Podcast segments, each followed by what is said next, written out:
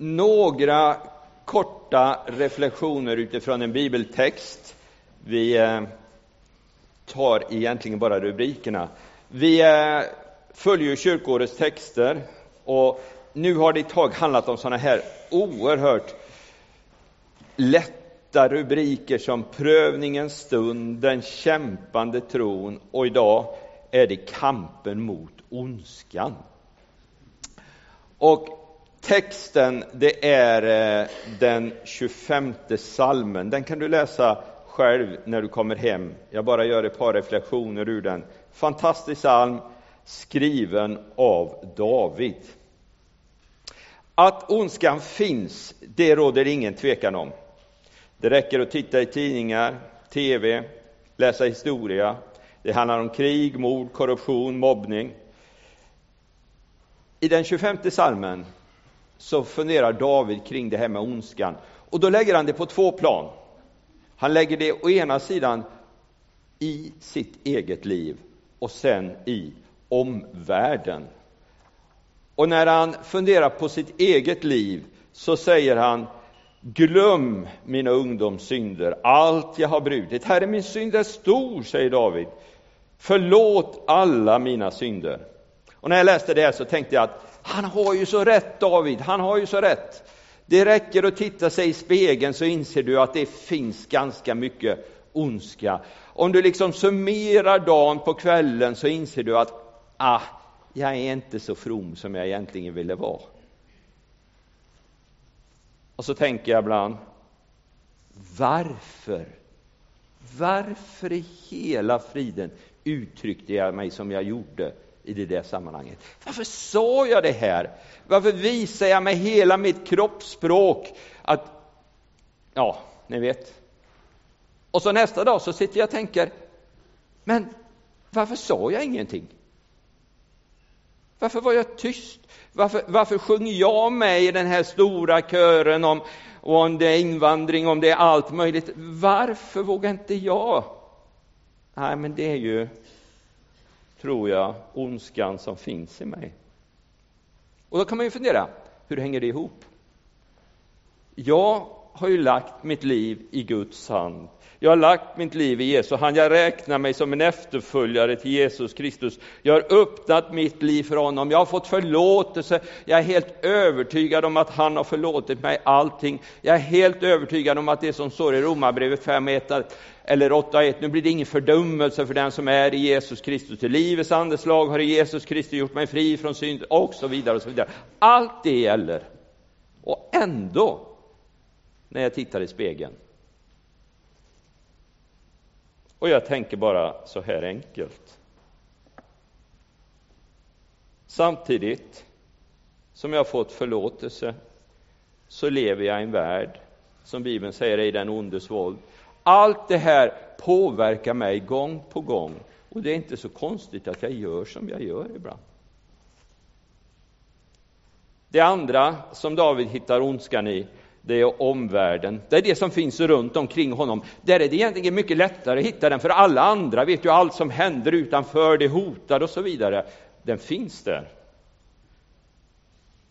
Krig, våld, människohandel, barnarbete, Barnarbetare som tvingas till svåra kemikaliska processer som är förbjudna i Sverige och i västvärlden bara för att jag ska få rätt färg på min bomullsskjorta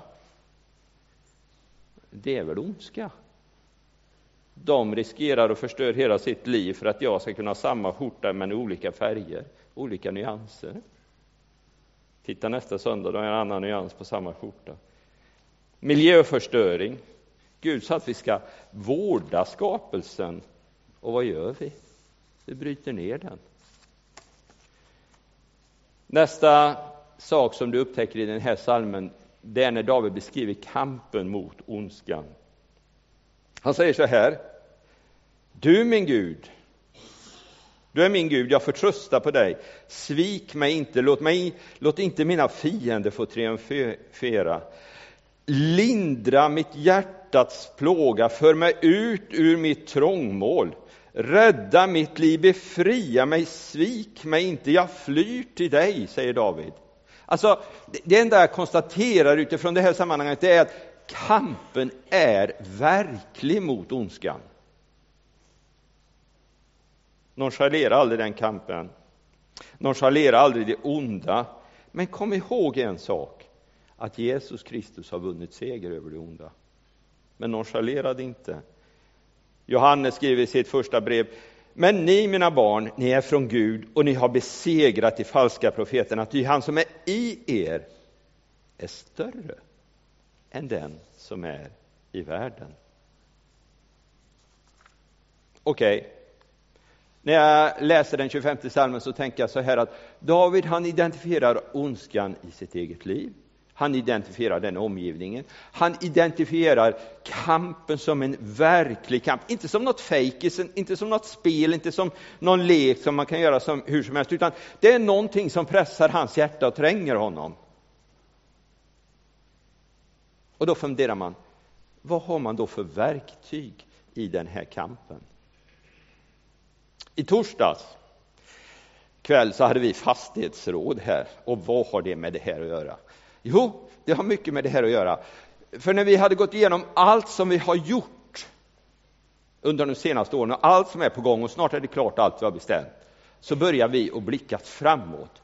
Och då tänkte jag, nu ska jag vara så här oerhört pedagogisk. Nu ska jag rita en stor fin mindmap över allt vi säger med olika färger som demonstrerar ansvarsområden och allt det här. Och jag börjar svart i mitten då, fastighetsrådet. Så tänkte jag, nu gör jag det andra rött. Yep. Röda pennan var slut. Då gör jag det grönt. Yep. Gröna pennan var slut. Då gör jag det gult. Gula pennan var torr. Helt plötsligt så stod jag där, helt utan verktyg, och göra min fantastiska presentation. Vad har jag för verktyg utifrån salmen när jag möter ondskan och hur ska jag ta mig hand om det? Ja, det vore naturligt att dra upp en lång lista med bön och fasta, namninsamlingar, debattartiklar, inte tiga vid fikabordet. Men jag kommer inte beröra någonting av det på tre minuter. För det gör inte David i salmen. Det är fullt bibliskt och vi behöver säkert mycket av det. Men det jag hittar i salmen när jag läser den, det är liksom den här filosofin att David, han besegrar det onda med det goda. Han besegrar det onda med det goda. Han pekar inte bara ut det onda och säger det är fruktansvärt, utan han pekar ut det onda och så säger han, här är vägen. Och ibland hjälper det inte hur mycket vi varnar, hur mycket vi peka på saker och ting, hur mycket vi höjer fingret, om vi inte kan visa på alternativet som är bättre.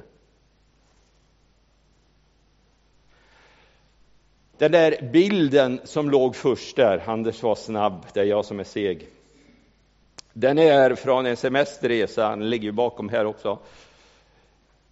Från Milano upp längs Comosjön på väg över till eh, Liechtenstein så är det alltid så roligt att köra pass istället för att köra stora tunnlar och sånt här. Så vi klättrar, jag och Elisabeth, över Julian pass på 2000, ja det är bara 2300 meter någonting. Och när man åker in i ett sånt här pass så funderar man ju egentligen, finns det någon väg ut ur alla dessa berg som går att köra? Och det gör det ju, det vet man ju, för då har man ju tittat på kartan.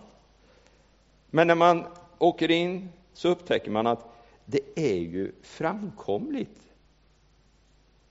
det finns ju en framkomlig väg, även om du ser oerhört lite av den på vägen in. Du ser ju nästan ingenting.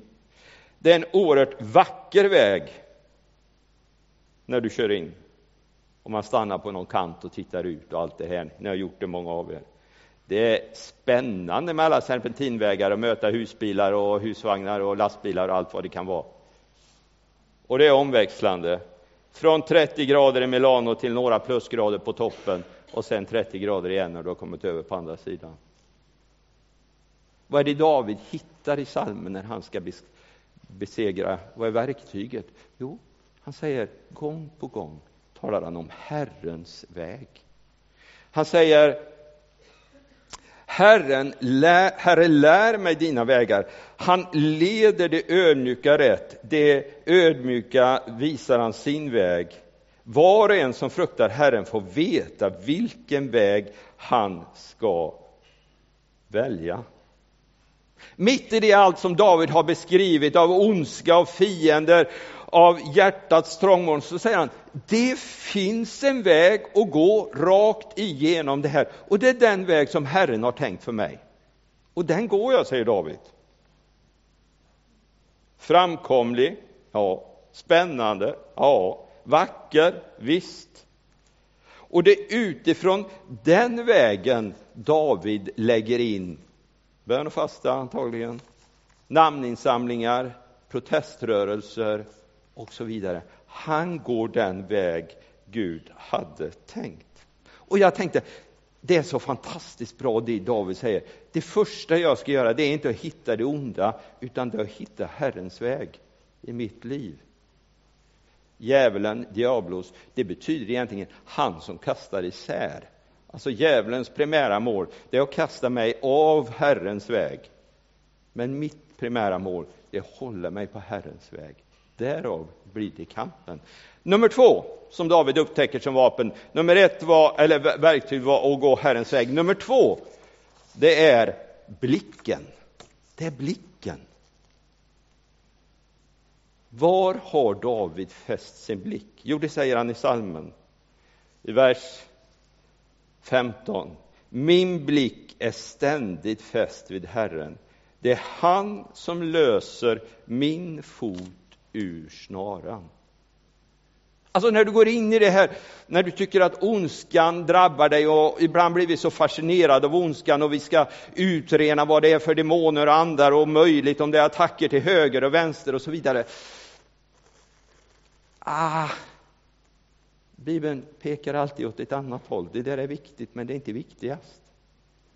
Det viktigaste är att sätta blicken på Herren. Det viktigaste är att fånga Herren med blicken. Det är det som kan betyda skillnad i livet. Det är där friheten ligger. För när David då sätter sin blick på Herren i den femtonde salmen, vad hittar han då? Jo, då hittar han följande. Ett antal gånger säger han min Gud. Han hittar någon att sätta sitt hopp till. Han hittar en som beskrivs med orden barmhärtighet och godhet. Han hittar en som beskrivs med orden trofasthet. Han hittar någon som beskrivs med orden pålitlighet, med nåd, med befrielse. Var hittar han det när han tittar på ondskan? Nej, när han fäster blicken på Herren.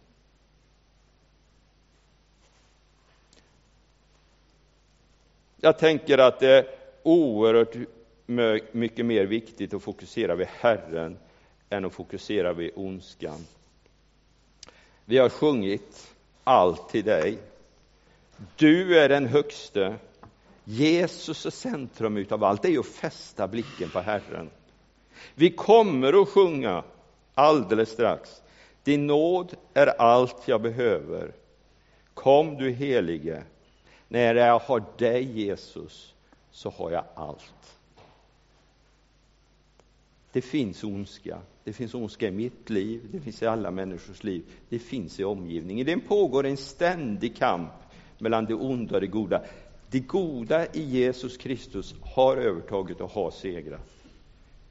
Och de verktyg som du och jag har fått, de grundläggande verktygen för att besegra det onda med det goda, det är så till att hålla sig på Herrens väg och ha blicken fäst på honom.